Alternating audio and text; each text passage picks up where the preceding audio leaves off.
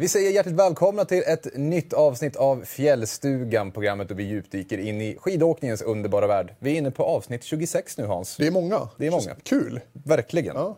Vi hade ju en uppesittarkväll i tisdags. Har du återhämtat dig?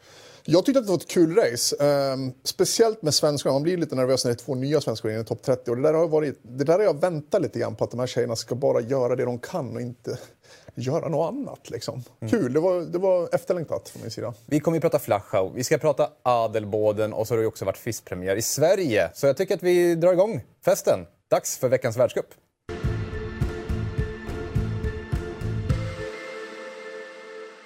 I tisdags kväll alltså, Nachtslalom i Flachau. Det är ju alpina skidåkningens nästan som lejon, vad säger man? Lejon... Kula. Ja, lite grann. Alltså Flachau, det är hembyn till Hermann Mayer. Det är liksom Atomikfabriken ligger ett mäklarstenkast ifrån målområdet. Och det är liksom hela den byn, hela det området bara andas ju racing liksom. Hur tänkte jag, det brukar ju vara 15 000 Ja. riktigt taggade österrikare i publiken. Vad, hur stor skillnad är det tycker du nu när det inte är det? Nu är vi ganska vana ja, där alltså så här, för oss som tv-tittare, jag tycker att tv-sändningarna funkar ganska bra i alpint kontra många andra sporter där du ser tomma läktare i bakgrunden. Så där. Jag tycker tv-producenterna lyckas ändå fånga schyssta bilder utan publik som ändå ser, det ser ut som en världscuparena och allting sådär. Så, att, så att som tv-åskådare funkar det, det gör det. Men det är klart att eh, åkarna och hela, hela den cirkusen saknar ju inramningen. Vi ska kolla på pallen tänker jag, för eh, det är ju Schifrin. Ja, kul. Jag hade ju tippat det. Det- Nej, men jag tycker så här. Alltså hon har ju gått igenom en hel del. Eh, sen vet vi inte heller vart hon fysiskt sett är rent ryggmässigt. Hon har ju haft problem med ryggen, ställde ju in världscuppremiären i Sölden och allting. Så att, att hon är tillbaka i slalom nu tror jag betydde ganska mycket för henne. Vi såg också hennes ansiktsuttryck och allting när hon gick i mål. Att det var inte bara en glad utan även en lättad Mikaela som äntligen fick stå överst på slalom. Hon har ju vunnit storslalom i år, men inte slalom då. 68 vinsten och 100 pallplatsen i världscupen. Ja. Hon är nummer tre på listan nu, passerade Hirscher igår. Eh, tar hon Stenis? Ja, då har hon ju ett gäng kvar, men det är ju... Hon, är ju Det- det- ja, hon det- har ju åldern kvar. Ja, hon har ju det. Men sen är det ju också, man ska hålla sig hel.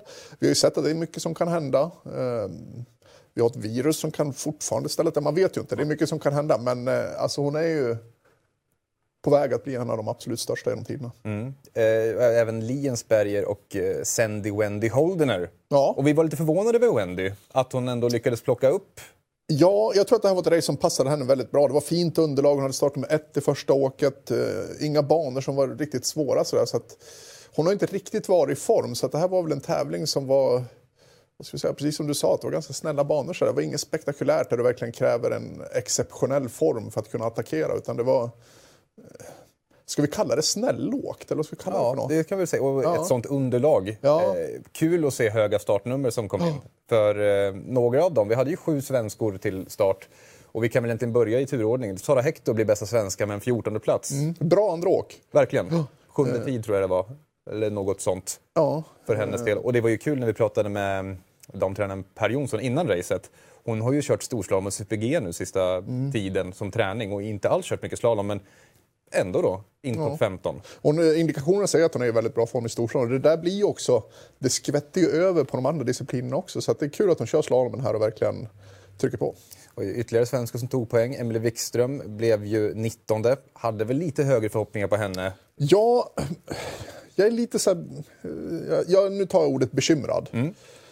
Hon, alltså hon gör allting rätt. Hon har gjort allting rätt så många år också. Vissa år är det bättre, vissa är det sämre. Men i år har hon inte riktigt fått till det där Alltså, det handlar om ingångar. Man kan prata teknik hur mycket man vill, men det handlar om att hon ska åka 15 centimeter längre fram. Och istället för att lite så här, i, i, en lite sån här, i, liten, det syns knappt på tv, så ska hon bara helt brutalt lägga upp skidan på kant och gå rent in. Eh, Och det där är en sån där grej, jag känner så väl när man står på start så tittar ut i banan. Jag kan tänka mig att hon är lite grann i en situation där när hon tittar ut, då ser hon kanske hellre svårigheterna fram, framför sig än, än att hon ser ah, oh, där ska jag gå rent, kolla på det här nu. Eh, Alltså det, det är en sån liten grej rent fysiskt, tekniskt allting, men, men bara ett sånt här psykiskt steg som att ja, men det, här, det här fixar jag. Även om man har sett de andra, att de andra tjejerna kanske sladdar lite där, att bara kunna ta det mentala steget att jag kommer gå rent här. Mm. Jag hade ju, med tanke på att underlaget var ju mycket hårdare, tänker jag, ah, nu kanske det släpper. Visserligen Ja. var hon ju, i fjol när de körde det så var hon ju 24, 19 nu, så det är ju, det är ju lite bättre. Men Mm. ja, det är väl utifrån träningsbilder vi har sett på Emelie så är det långt ifrån det bästa sättet att göra Ja, igår. och så hon, hon, alltså hon gör så mycket rätt. Hon är fysiskt stark, hon, hon står bra på grejen, har bra material och allting. Så att, vad ska vi säga? Hela hårdvaran, allting är där. Det är bara mjukvaran nu som ska programmeras in på att ah, men vi istället för att så lägga ut dem och gå rent istället. Skönt ändå att tävlingarna rullar på nu, liksom, så att det inte blir ett för stort glapp. Ja, Eller att det är VM nästa race, Mm. utan att du faktiskt har en chans att... lite så. Och sen kanske ibland så kan det kanske bara är en total nollställning hon behöver. Ja. Att någonting som förstör uppladdningen, att hon eh, inte vet jag, glömmer nummerlappen på start. Eller någonting som får henne att köra lite på instinkt och inte stå och fundera för mycket. För det ser ut som hon, hon tänker efter lite grann när hon åker. Stort glädjeämne, det var ju Elsa Fernbeck eh, som ju Ja. Tog sina första världscuppoäng med en 21 plats. Ja, hon bevisar att Europacupen i, i Frankrike där var liksom ingen slump. Vinner du tillsammans med den andra tjejen från Slovenien, nya Slåkar. Slåkar, så då är du i form. Och det, det där är ju också, man ska omsätta det upp till världscupen också liksom, och, och fixa det. Och det är inte så bara, för helt plötsligt så är det tv-kameror, det är intervjuer, det, det är liksom ledarfoller och allting blir en annan miljö. Och framförallt, som vi pratade lite om på uppesittarkvällen, att det här är kanske första gången tjejerna kommer till en världscup och så helt plötsligt så besiktar det som vanligt, en helt vanlig tävling och allting. Sen åker du upp i Team Hospitality och sätter och tittar på en TV. Och då blir helt plötsligt får du se Mikaela Shiffrin åka banan och ah, hon gör så där, men då kan inte jag göra som min plan. Jag hade ju tänkt att gå rent där. Och jag tror att det där är ett steg som är ganska stort att ta, just att man får se banan på TV och sina idoler köra banan som du själv ska köra. Och där är det väldigt lätt att sätta sig i respekt mot din uppgift. Liksom. Bra första åk, men eh, någonting som vi båda var imponerade över eh, var ju andra åket. Ja. Framförallt första, säg, tio käpparna. Ja. Det var ju så här, för det är ju, jag kan tänka mig att det är en viss lättnad att faktiskt göra det där man har drömt om, att faktiskt kvala. Ja. Få åka två åk i världscupen. Ja, det är lätt att absolut. bara, nu sätter vi ner en växel. Handbromsen, Ja. Ja, men kul, jag tror hon Ja. 15 tid eh, i andra. Liksom. Att hon eh, får våga, sig, våga att göra det och Ja. det faktiskt funkar. Ja, Check. absolut. Ja, men alltså hon, att just att man löser, precis som du säger, att hon gör det hon ska och inte åker skidåkning med huvudet. Liksom, utan hon, hon, gör det hon ska bara. Och ytterligare en svenska tog poäng i form av Sara Rask då, som ju... Det var ju lite prekärt där en stund, Ja. för det var otroligt få urkörningar. Eh, och eh, det var ju 31 tjejer som kvalade. Precis, delad 30 plats. Så det blir ju en, det blev en nagelbitare till slut. För det vore ju lite antiklimax att komma in topp 30 och ta sig till andra åker första gången och sen inte få poäng. För hon var ju naturligtvis lite defensiv i andra åker, det var hon. Mm. Eh, Men hon fick i alla fall en poäng med sig. Jag kan tänka mig det också, för jag tycker att hon börjar ju eh, liksom i ett vettigt tempo. Det var nästan som att hon kom på, "Ja, just ja, Ja, oh, just ja. Ja, och det, det är lättare sagt än gjort. att Man måste ta chansen och säga ja, det är ett klassiskt uttryck. Men Mm. alltså den här tjejen, Sara, alltså, du vet, hon har ju tränat i, i 15 år på en professionell nivå. Så helt plötsligt står du där. Mm. Och nu, nu ska du ta den här världscuppoängen som, du har- som folk har pratat om så länge. Liksom, och, så här, och bara koppla bort det. Svårt. Och köra på instinkt. Alltså, det är inte bara. Nej, annars hade vi... Annars hade. Ja, då hade alla varit världsmästare. verkligen. det är kanske det som är så svårt. Att det, att, just att de klarar det nu tror jag är väldigt viktigt för dem. Mm. Vi ska gå vidare, för det har varit fler världscuptävlingar. Då tänker jag ju först på Adelboden. Och eh, jag tänker att eh, vi börjar ju egentligen med storslalomracet. Man var ju glad att man inte kör storslalom. Alltså. Det var ju ett riktigt hårigt race.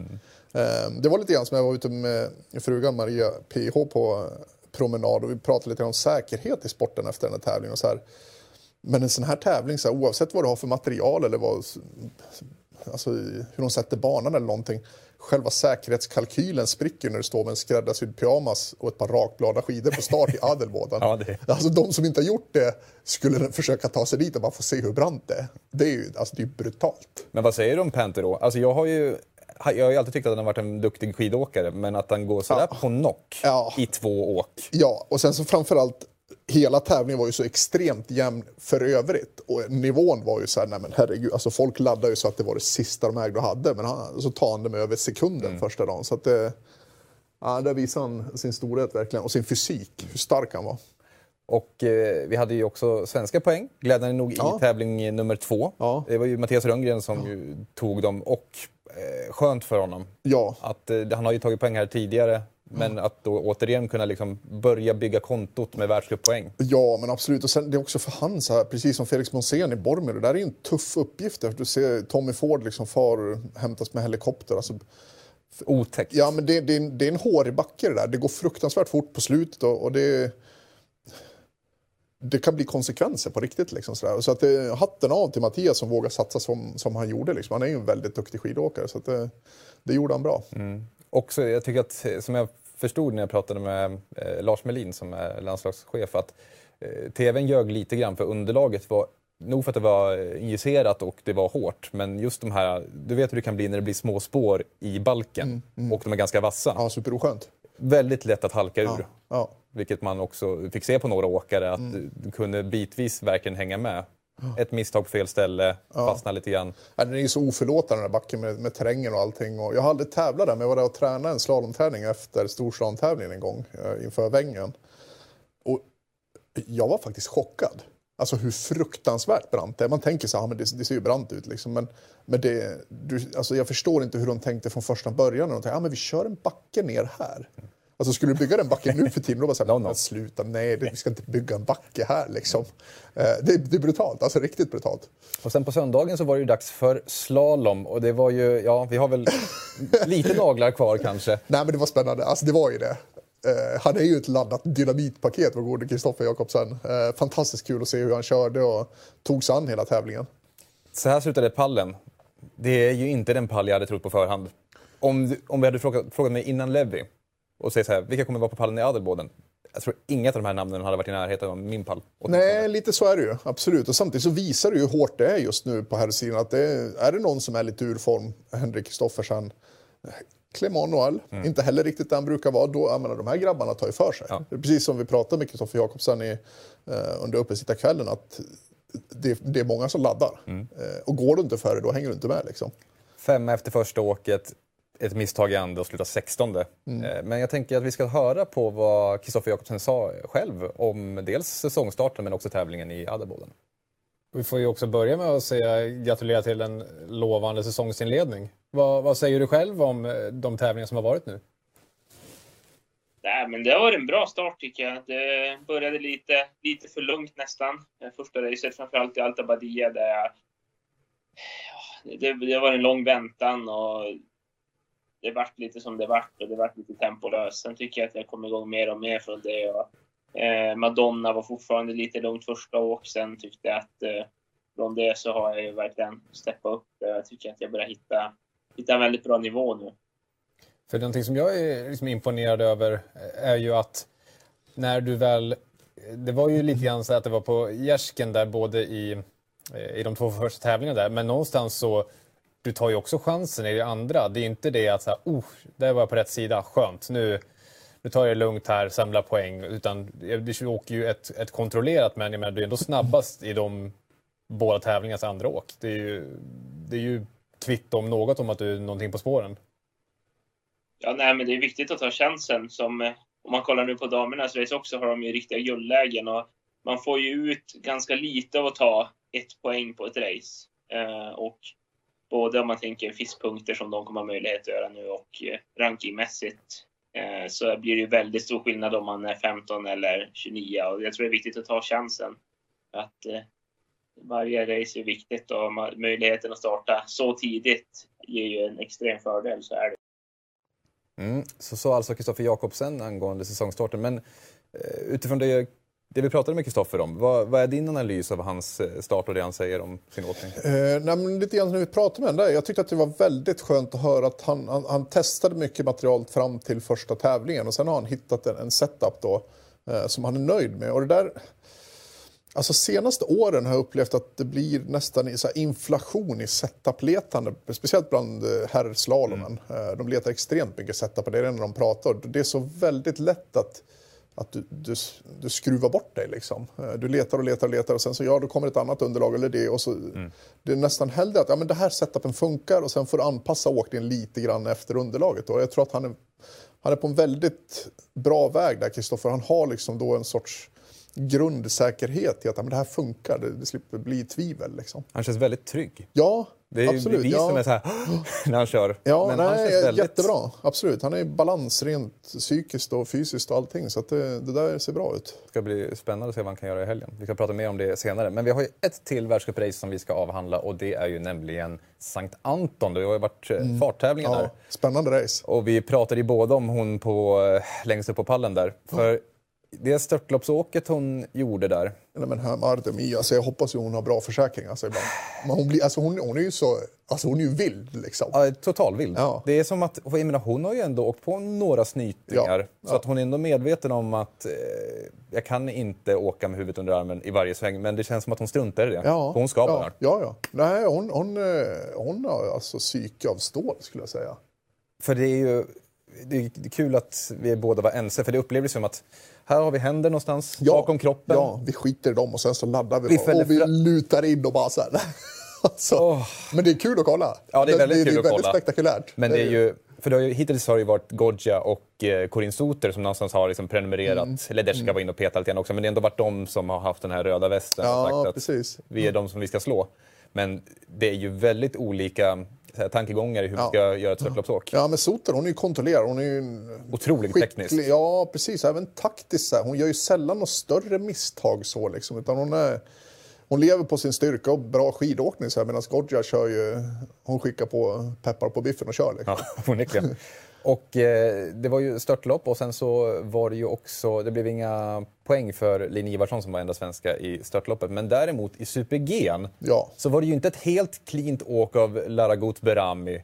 Men det räckte ju ändå. Ja, det var ju insats, det var en fruktansvärt svår Super-G. Mm. Eh, en av de svåraste jag har sett på damsidan skulle jag vilja hävda. Det gick fruktansvärt fort. De hade ju 122,8 ner i, från Icefall där rakt ner i 90 graders. Har du kört Sankt Anton? Nej, jag har inte gjort det. Eh, men det man ser på bilder och allt, för jag vet att när det ser brant ut på tv då är det ju fruktansvärt brant. Eh, Men också just blinda svängar, det var liksom svänget, det var lite orytmiskt skulle jag säga, alltså lite olika avstånd och allting sådär. Så att det, en fruktansvärt svår Super-G där, där Lara var, hon var modig alltså. Ja. För jag, jag tycker att man eh, gör det lite väl banalt när man pratar om att det är besiktningsmissar. För jag menar, det, det är ju ett ställe man inte tävlat på sedan 2013. Alltså Ja. Det är väl typ Got och kanske någon till som faktiskt har kört det här hanget. Ja. Och sen går det väldigt, väldigt fort. Och Ja. det är ändå lite skugga, sol, Ja. kanter och sånt där. Ja. Det är ganska rimligt att de här, och många kör ju inte Super-G eh, varje helg. Nej, utan det är ju precis, många som dubblerar, eller ett gäng slalomåkare, ett gäng storslalomåkare som är inne och, och Mm. testar för att samla poäng till någon form av kupp.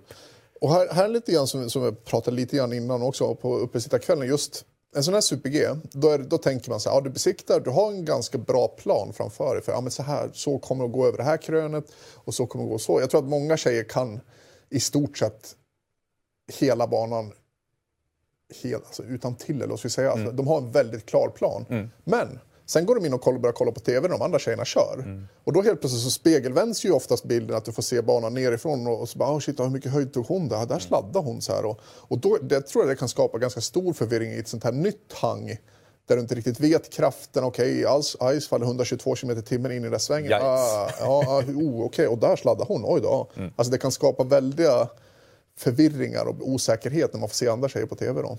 Och glädjande med svenska åset var ju att Estelle Alfons, som vi flaggade lite grann för, att Mm. här, det här kan ju faktiskt bli spännande. Kanske inte i första racet, men det blev ju faktiskt poäng för Estelle Alfons, 23 Ja. i sin det är ju första. ingen lätt världs, världscup hon kliver in i. Liksom. Nej, det är det ju onekligen. Jag hade, eh, om vi sa det här med nagelband och så här, jag kan säga att jag, med tanke på att det var ganska många fall, det var väldigt mycket uråkning. Nervösa Erik hade det jobbigt. Liksom. Ja, men jag tänkte så här, för det är trist om drömmen inte hinner vakna till liv innan den tar slut. Liksom. ja, ja. För jag menar, jag menar, Det är väl inte helt orimligt att, så här, att man får en väckarklocka när du bränner på 120 och bara, det här vill jag Ja. inte göra Nej, det är ju lätt helg. att få näsbränna när man kliver in i ett sånt där race första Ja, gången. mest det. Det var inte det så här, och undrar om det här går bra eller dåligt. Utan mest så här, Ja. Mm. hoppas de liksom kan borsta av sig, om det går dåligt, att man kan borsta av sig att nu tar vi nästa helg. För Ja. att det, det är inte det lättaste att börja med.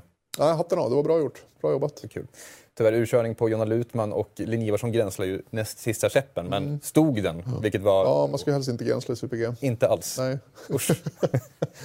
Vi ska ta och eh, gå vidare i programmet, för att det har ju blivit dags för Kitzbühel. Det skulle ju varit Vängen. Det är julafton nu.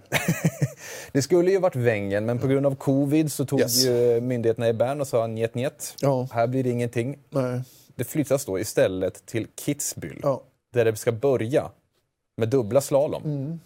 Spännande. Får, Dubbla- får du någon så anekdot med dubbelslalom i Kitzbühel? Det är väl 2007. Ja, Jens Byggmark. Dubbelseger. Ehm, nej men absolut, det är kul att det är Kitzbühel som tar de här tävlingarna. För det är sån, nu är det ju inte publiken där heller naturligtvis. Men det är ändå, jag vet inte, så fort det är Kitzbühel på tv så är det ju liksom, det är ju hög tid. För jag tänker att nu har vi ju 22 till 24 där på, på Kitzbühel, men då har man ju inte räknat med träningsdagarna. Nej. Hur ska Felix Kull och resten av gänget orka, både fysiskt mentalt, köra The Streif så många dagar i rad? Alltså det, det är en belastning som du inte kan förklara för någon, skulle jag säga. Eh, att stå där uppe på start Kitzbühel, speciellt störtloppet då. Eh, nu, nu är i och för sig inte heller inramningen med publiken men bara när du kommer dit och känner atmosfären, du känner hur folk tittar på dig när du går till liften. Att, så här, alltså det är inte så här, oh, heja, heja, heja, kom igen nu, som det är på andra ställen, utan det är liksom folk nickar åt en lite grann, så här, ungefär som att "Ja, varsågod, gå Men till det är så avrättningen." här, alltså, det är inte bara en illusion man nej, bygger. Utan det är, eh, det är liksom om du kommer i liftkön och ska hoppa in i gondolen, då kommer det står liksom turister som normalt sett skulle tränga sig in i gondol för att få åka med Dominic Paris. Mm. Men folk ja, släpper fram Dominic och så låter han sätta sig i gondolen och går inte in och sätter sig med andra i gondolen utan han får sitta Det är själv. andaktsfullt. Ja, ja, men det, ja, det kanske överdrivs så, men alltså det, det är en annan Nej, men det är ju stämning. många som, men inte bara du som säger det här. Nej, men det är, för den som inte har varit i den sitsen ja. själv så blir det så här, kan det verkligen stämma? Men onekligen, det verkar ju vara någonting som är utomkroppsligt, även, Ja. för de, även för de som tittar. Inte bara för er som åker. Och sen, eh, alltså det, det är ju inte bara inramningen som mentat utan det är ju fysiska konsekvenser som ofta händer där. Liksom, så här, så att, eh, det, det är ju vad ska man säga, det sista steget i den alpina utbildningen att köra Kitzbühel och ha liksom kunskapen och modet att gå för det där. Det är ju det absolut svåraste du kan utsätta dig för. Men det är alltså eh, nästa vecka, för, men det är helgen då som det är slalom. Vi ska ta och kika på de som ska göra det för svensk del i ett slalomhang som är ganska trixigt. Ja, det är det. Och de brukar ju vara duktiga på att vattna det där hanget så att det kan ju vara brutalt isigt liksom. Vi har ju en Kristoffer Jakobsen i fin form. Vi har William Hansson som ju både kört på träning och pangade ju hem två stycken FIS-race här i Sverige. Visserligen i storslalom, men får chansen där. Och sen då Gustav Lundbäck ju som eh, vi kommer att prata lite grann om senare, men har ju tagit eh, poäng i tre raka Europacup-race. Ja. Så, och Krille, Krille flaggar ju för honom inför säsongen, så jag tror Gustav ändå kan haka på rätt bra här. Så Ja, han har ju nytt material till år och sådär, så det skulle bli kul att se honom på världscup igen. Och eh, vi nöjer oss inte med Kitzbühel utan vi ska ju även till Kranjska Gora. Det skulle ju varit i Maribor men där är det inte så mycket snö. Som det inte har varit de senaste Nej, de har ju, jag är förvånad att de fortfarande planlägger Maribor, för de har ju haft det jobbet där senaste Ja, åren. Golden Fox Trophy får vänta lite grann. Ja. Men det är ju detta, denna kvartett som vi har att se fram emot. Sara Rask, Sara Hector, Estelle Alfand och Hilma Lövblom. Hilma Lövblom har ju också varit i eh, Sverige och kört FIS, vann ju också ett slalomrace där. Mm. Så, men har ju också visat på Europacupen att hon är i ett gott slag. Ja, men hon är det. Övriga tre behöver ju inte presenteras nämnvärt vidare. De, jag tycker det är en ganska stark Ja, och som vi har. Elsa Fernbäck visat lite vägen där senast i Mm. Flasha här, så jag tror att de här unga tjejerna har fått, ja men shit det går ju. Mm. Det går ju. Elsa klarar det, men jag har ju spöat henne på träning. Det, det här kan ju jag också. Mm. Alltså bara få in några stycken och så kommer någon till och någon till och så är det plötsligt så står du själv som inte gör det. Mm. Och då är det så här, "Ah, jag måste. Alltså det, det föder, fram, framgång föder framgång. Jag tänker att är det ett vettigt underlag, då kan vi faktiskt ha bra kvalmöjligheter även för, Absolut. för Rask och som Ja, det är dags bak. för Sara Rask i storslalom nu. Hon är ju en duktig storslalomåkerska och Kranjska Gårda är ju normalt sett ett bra svensk hang. Så fram på grejerna nu, nu kör vi. Mm. Jag tänker också så här, Estelle får plocka lite poäng i någonting Ja. nytt. Säkerligen lite ny energi. Ja. Och ja, om Per Jonsson säger att Sara är i form, ja då... Ja, Då det vi- bli kul att se. Vi hoppas att underlaget är trevligt för alpin racing. Ja, det kommer ju vara det. De är duktiga där. Det ser vi fram emot. Så Vi ska kolla kanske på sändningstiderna också så att ni vet när ni ska bänka er. Och, eh, och det är ju på lördag som allting drar igång då 9.30 med slalom och eh, sen på söndag så drar det igång med storslalom. Vad ser du mest fram emot? Men Kitzbühel slalom, alltså. Krille, han är i form. liksom. Alltså det, jag vet inte, det blir ju så här, det är klart, tjejracen är kul också med Sara Hector och allt i form. Och, men det är så här, jag vet inte, han är, så, han är som en dynamitpacke liksom, så att man vet aldrig vad som kommer hända. Det är så spännande att kolla på. Så att det är, ja, men Krille i slalomen, absolut. Härligt. Vi ska ta och kika också på FIS Predictor Challenge som tuffar vidare och ja, Jag vet inte om jag vågar gå hem idag, Hans. Nej, men det ha- var ju Christ, eh, Henrik Kristoffersson som förstörde det för mig. Annars låg jag rätt okej till. Jag hade ju satsat lite på han i helgen. Ja, men jag tror det här faktiskt är, jag ska få en tumme upp, det här är ju um, Flachau. Det här är Flachau, exakt. Ah. För den som vinner är ju Sangan. Det är ju eh, någon jag bor med. Så att jag kommer ju få ha... Åh. Jag vet någon som kommer vara nöjd, Ja, det är en känslig puck. Blir det så? Liksom så Ja, jag, jag, jag tror att hon kommer nog inte outa det här, Nej, äh, nej. peka på mig och säga titta här. Men det, hon kommer, det kommer vara mycket leenden och jag är ju inte med på den där listan. Klas är ju till och med, Klasse Kula är ju nia så att, äh, jag, jag ligger lågt här.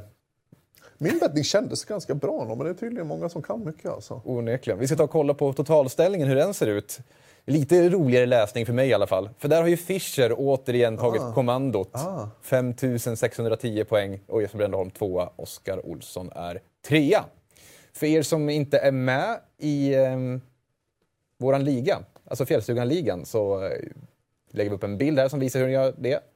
Och eh, varje veckovinnare då, så att, ja, det blir ju enkelt att eh, ta hem en kopp då till eh, Sangan som eh, vinner den här veckan. Ja, precis. Men eh, vi kör en nästa tävling igen, så se till att ni hänger med i vår liga. Det blivit dags för Svenskkollen.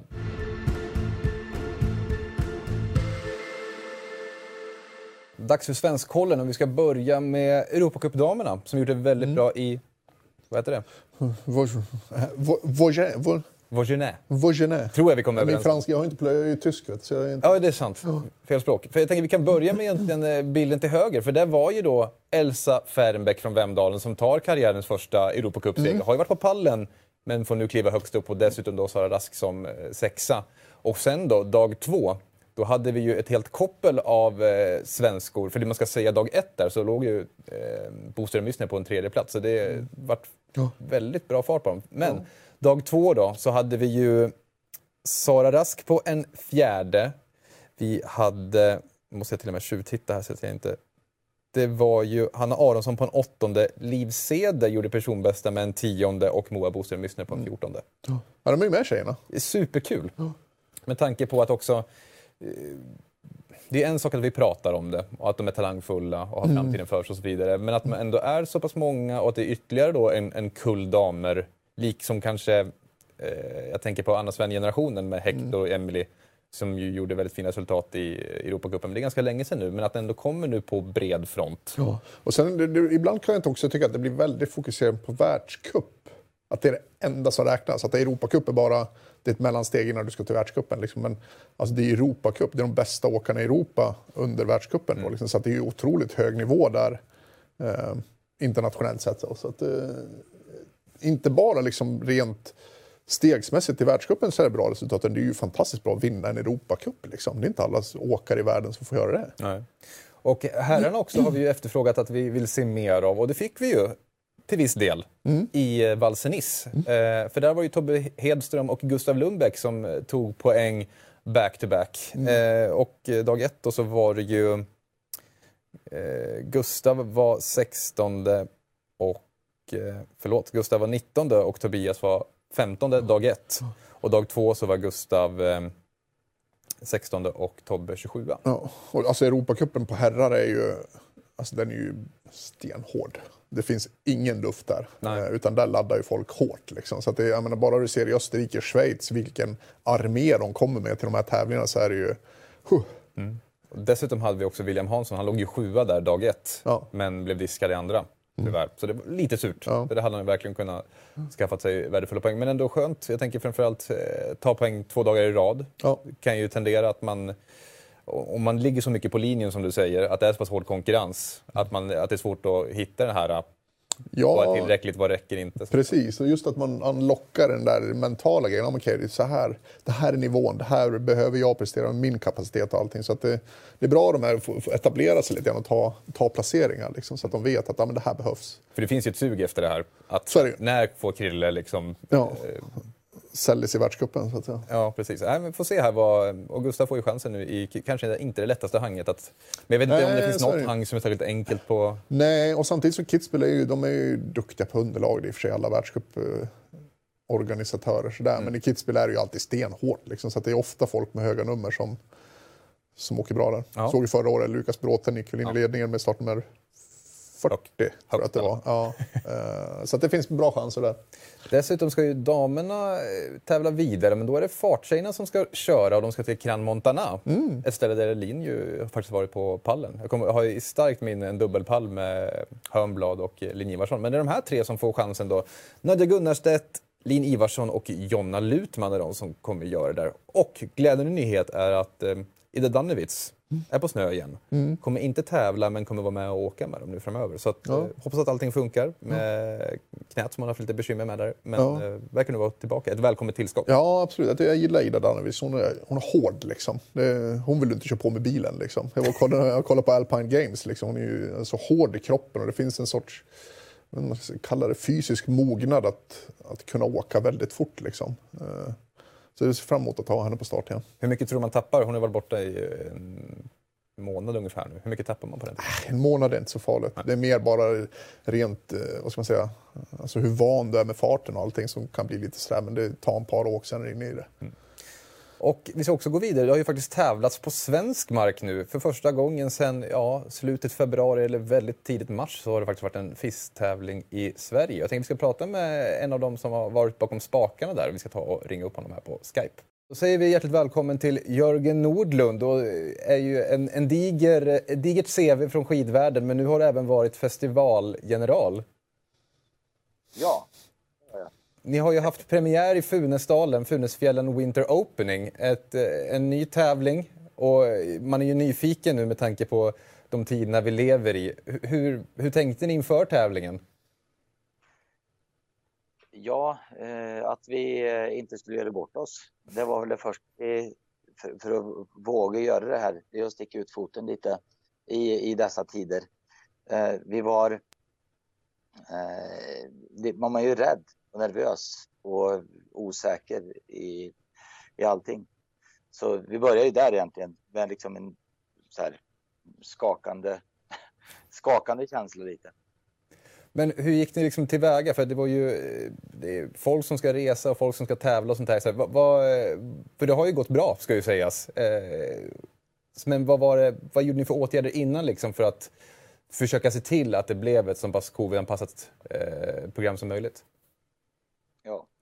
Nej, men vi försökte, eh, vi försökte först och främst lokalisera var kommer folk eh, smitta varandra? Var kommer folk eh, eh träffas? Var är, var är det liksom nya kontakter och eventuellt nya smittkedjor kommer bildas? Så vi, vi försökte liksom först och främst eh, hitta, hitta ställen där vi, där vi trodde att vi eh, skulle eventuellt kunna ha en smittobomb eller någon smittohärd. Då. Eh, om jag ska fortsätta utveckla det så... Ja, gör det. Ja, men då, då, då, då la vi egentligen, okej, okay, vi, vi börjar, okej, okay, eh, om en person ska åka någonstans, då, då, måste de liksom ta sig hit först. Eh, då är det ju resan hit och vi vill inte ha hit sjuka. Och då börjar vi med en feberlogg och en eh, hälsostatus som vi la upp på, på hemsidan eh, där man då dels får, får sköta sin vilopuls och sin, eh, sin kroppstemperatur och sen ett eh, ganska subjektivt variant på om man har en, något sjukdomssymptom. Så fyller man i det eh, i, i dagarna innan eh, i vanligt, vanligt Excel-dokument egentligen, hur enkelt som helst. Så får vi se att, att ingen är sjuk när de börjar då. Eh, det var den första delen, liksom för att på något sätt få hit friska folk. Eh, och om det nu skulle vara så att eh, man inte är frisk så, så hade vi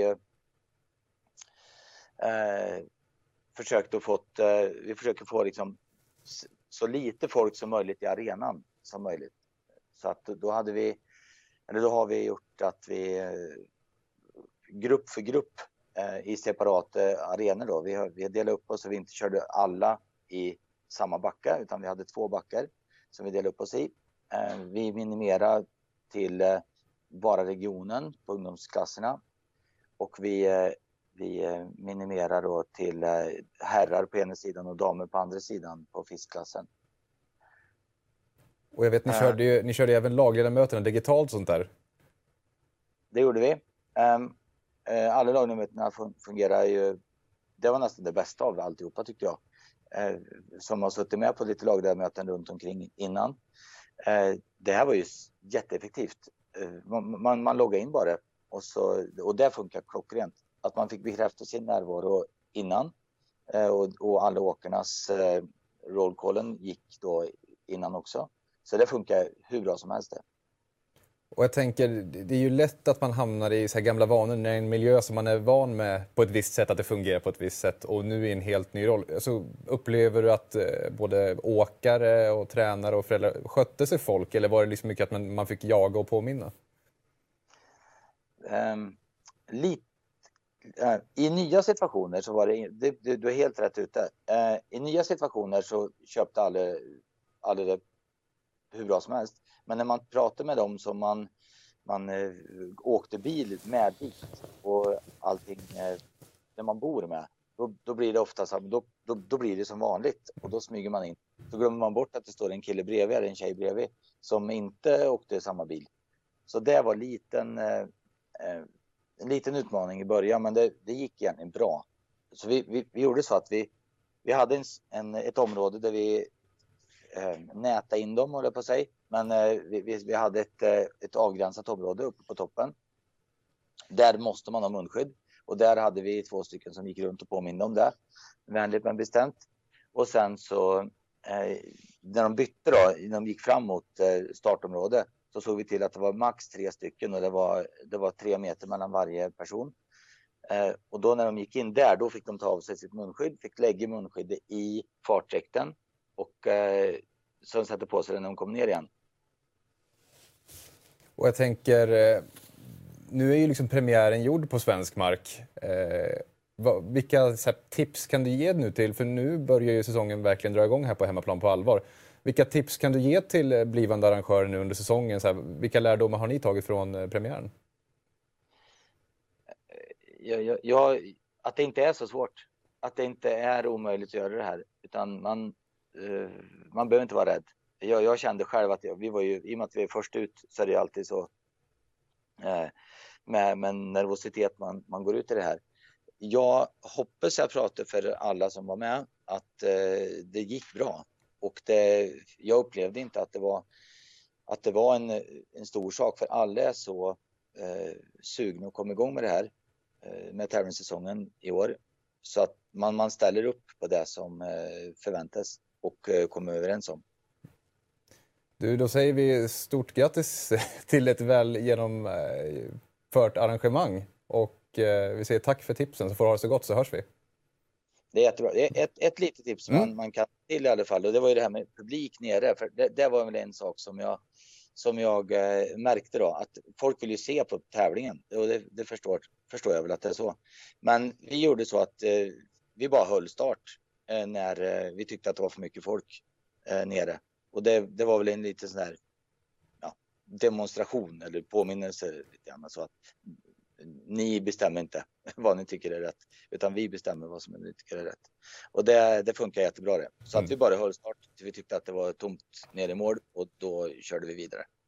Superbra. Härligt. Ett, ett, det får bli slutordet. Tack så jättemycket Jörgen för att du var med. Ha det gott. Hej.